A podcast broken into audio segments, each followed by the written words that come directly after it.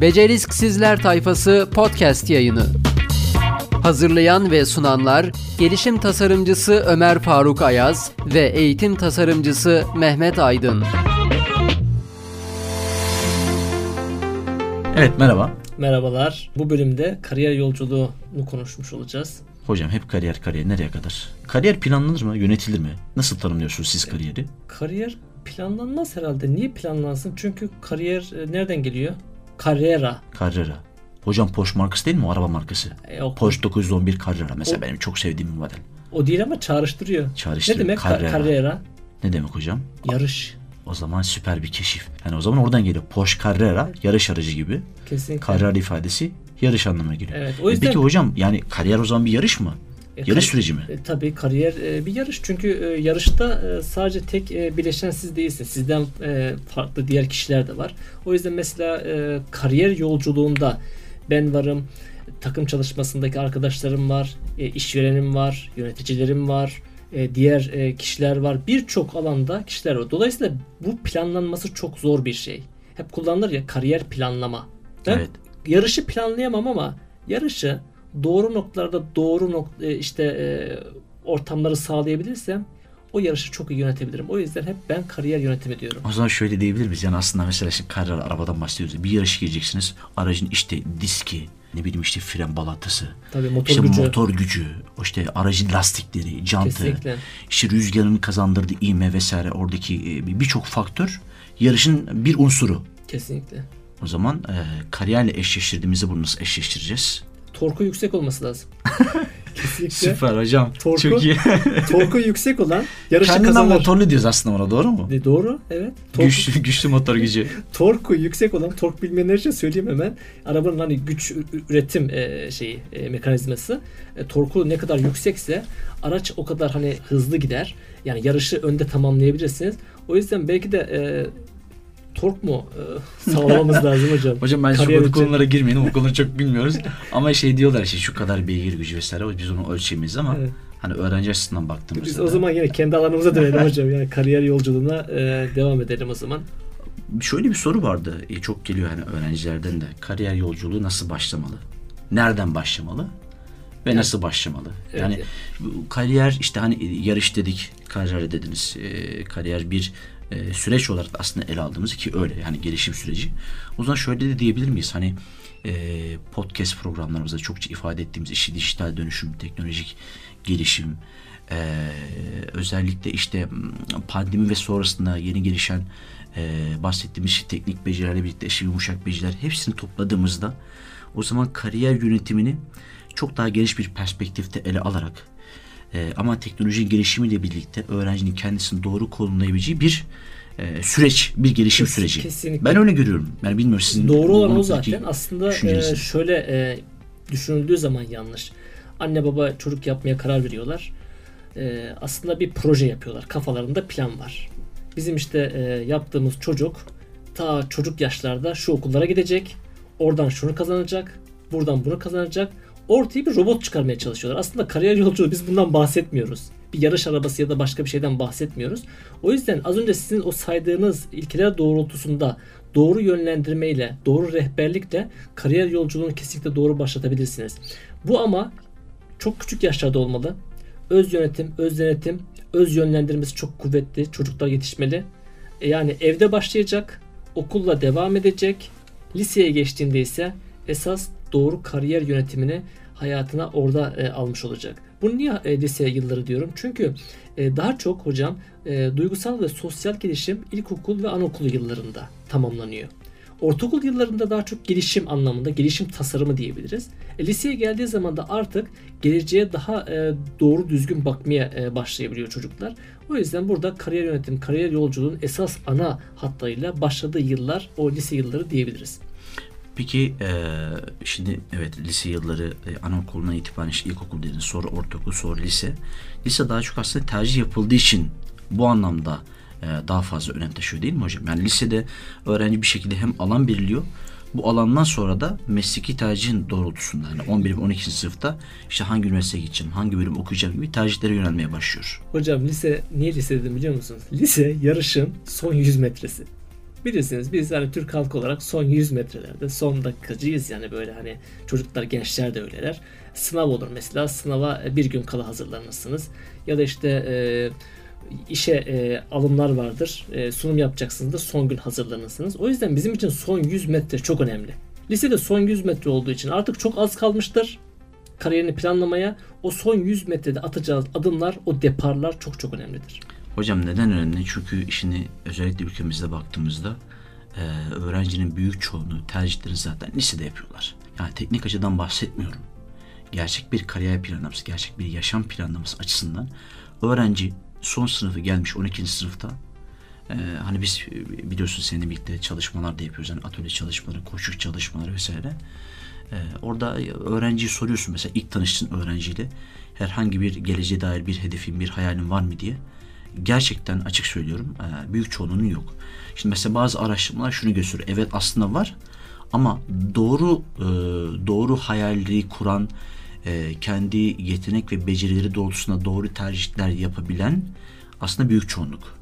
Bunu da yine istatistik, istatistiklerden aslında görüyorsunuz. Yani mesela işsizlik oranına bakalım. Hı hı. İşsizlik oranlarını zaten masaya yatırdığımızda e, bunu çokça rahat görebiliyoruz. Evet. Ama e, tek faktör de aslında bu değil. Yani orada e, öğrencinin mesleki tercihleri birlikte değişim ve dönüşüme uyum sağlayamadığı, e, sağlayamadılarından dolayı e, bundan kaynaklanan ne yazık ki işte oradaki uyum sürecini, kariyer yönetimini, doğru beceri setlerini oluşturma, işte doğru şirket seçme, doğru departman, doğru alan gibi birçok faktör var.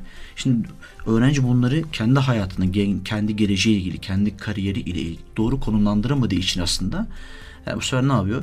Herhangi bir işe giriyor, orada mutlu olamıyor. Çıkıyor başka bir yere giriyor veya hiç girmiyor, bekliyor bir yerde. Evet. Bu yüzden bekleyen bir işsiz şeyi var, grubu var yani baktığında. Evet, biz ona şey diyor, diplomalı işsizler olursa diyoruz. Hocam aslında beceriksizler. Evet. Şimdi bir beceriksiz var, bir de beceriksiz var. Evet. Tam iki grup. İki grup. Yani Çok doğru. burada e, tabii tırnak içerisinde kullanıyoruz bunu. E, bir kez daha belki değinmek gerekirse doğru becerileri yani mesleki anlamda, teknik anlamda, yumuşak beceriler anlamında iş dünyasının bizden talep ettiği doğru beceri setlerini biz kariyerimizi doğru konumlandırdığımızda o zaman e, o zaman beceriksiz değil riski minimize eden beceriksizler grubuna dahil olmuş evet, oluyor öğrenciler. Kesinlikle. Ee, bu bölümde aslında ben gençlere e, birkaç tane de böyle tüyo vermek istiyorum e, hocam. E, şimdi e, dedik ya esas adım lisede başlar kariyer yolculuğunda. Yani e, bugün kariyer yolculuğu insanlar işte uluslararası e, birçok yere yolculuk yapıyorlar. Uzaya gidiyorlar değil mi? Şimdi uzay yolculuğu e, var. Yani bu, bunlara bakıldığında aslında e, günümüzde birçok şeyin çok de, hızlı değiştiğini görebiliyorlar.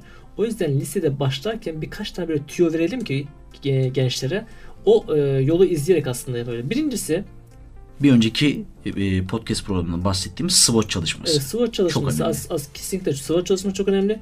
Hedefini İki. belirleyecek. Bu önemli dedik. İkincisi artı ve eksiklerini yaz. Benim artlarım ne, eksilerim ne? Bunu SWOT çalışmasında yaptı.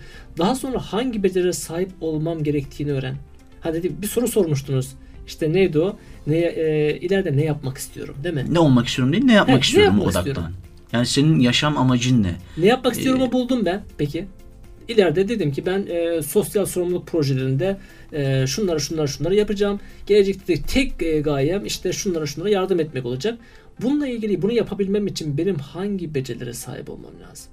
Bunu demek de olmuyor. Ben şunu yapmak istiyorum. Oluyor mu? Olmuyor. Hocam aslında bu e, kompleks bir çalışma.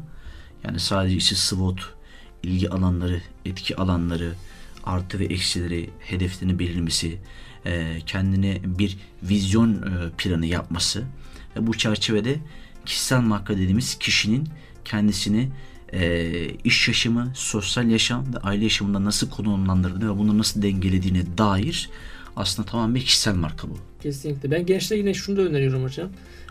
Şu yaşlarda lise öğrencilerine özellikle network ağlarını şimdi oluşturmaya başlasınlar. Hocam network nedir? Ya da network çalışması? Ya network aslında senin iş dünyasıyla kurduğun bağdır.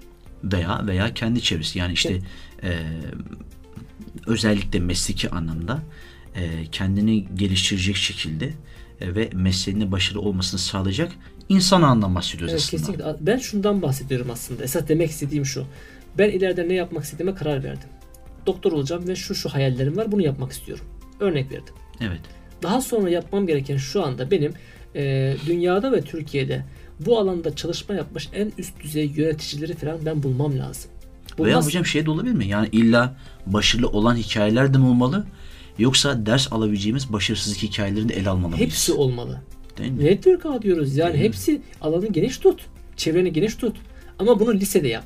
Her şey bitti. Üniversite okudun. Sonra işte ya ben bu alanda bir çalışma yapayım değil. Lisede network ağını oluşturmaya başla. Peki network ağını gençler nasıl oluşturacak? Şimdi Instagram'dan mı? Nereden oluşturuyorlar hocam? Hocam LinkedIn tabii ki.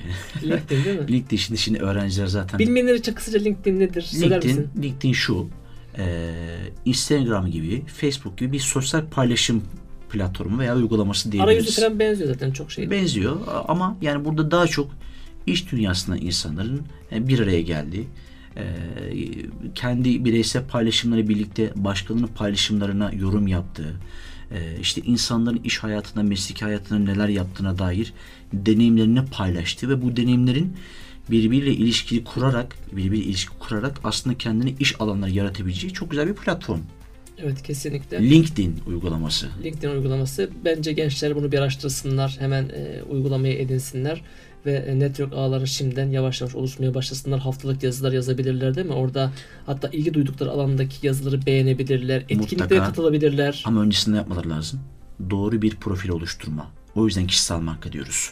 LinkedIn dediğimiz yer öğrencinin e, mesleki e, geleceği için, iş geleceği için doğru kişilerle buluşup oradan edindiği deneyimler, tecrübelerle birlikte kişilerle iletişim kurarak aslında geleceğini kurgulamış oluyor. Evet. Önce SWOT analizini yapsın.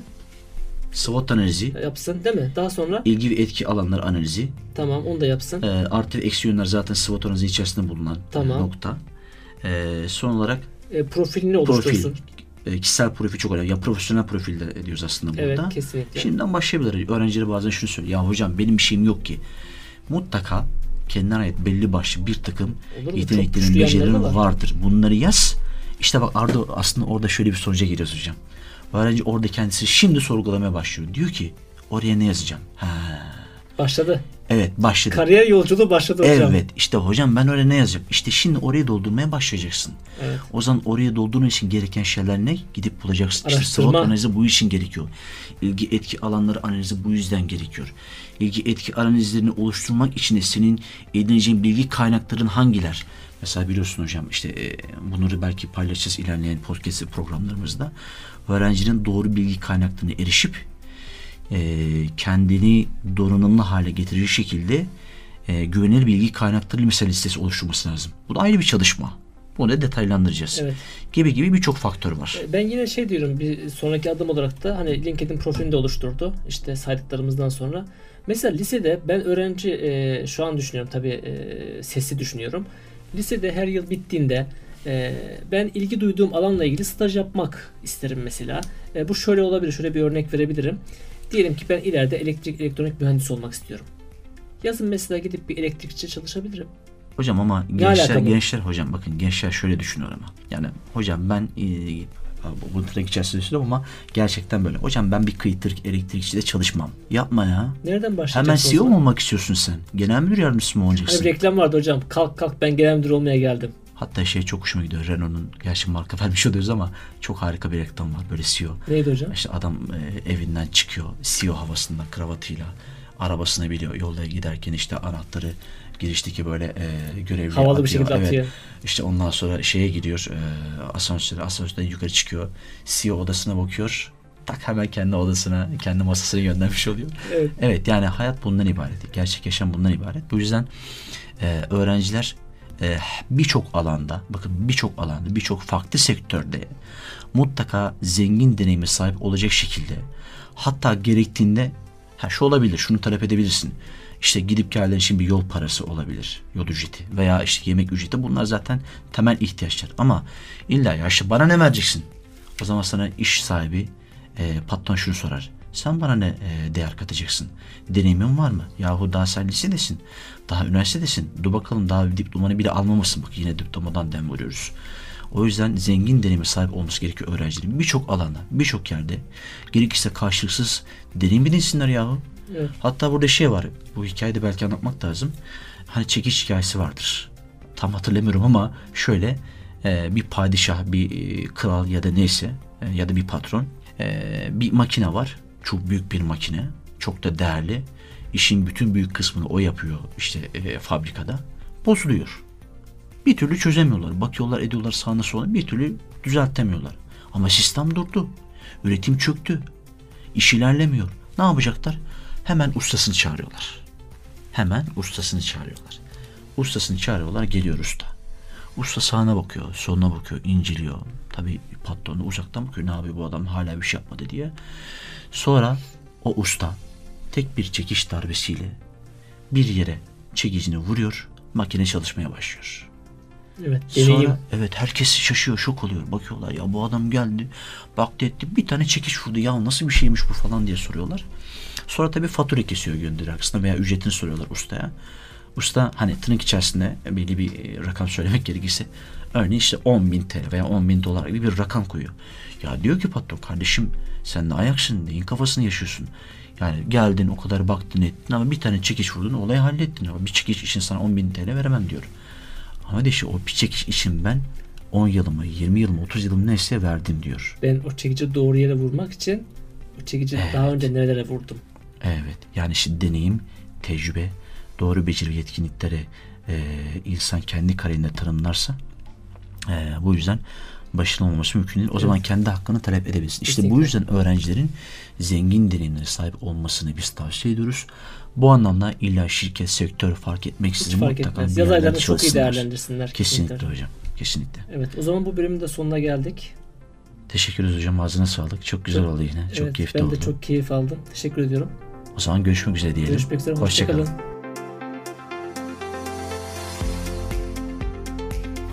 Becerisk Sizler Tayfası podcast yayını.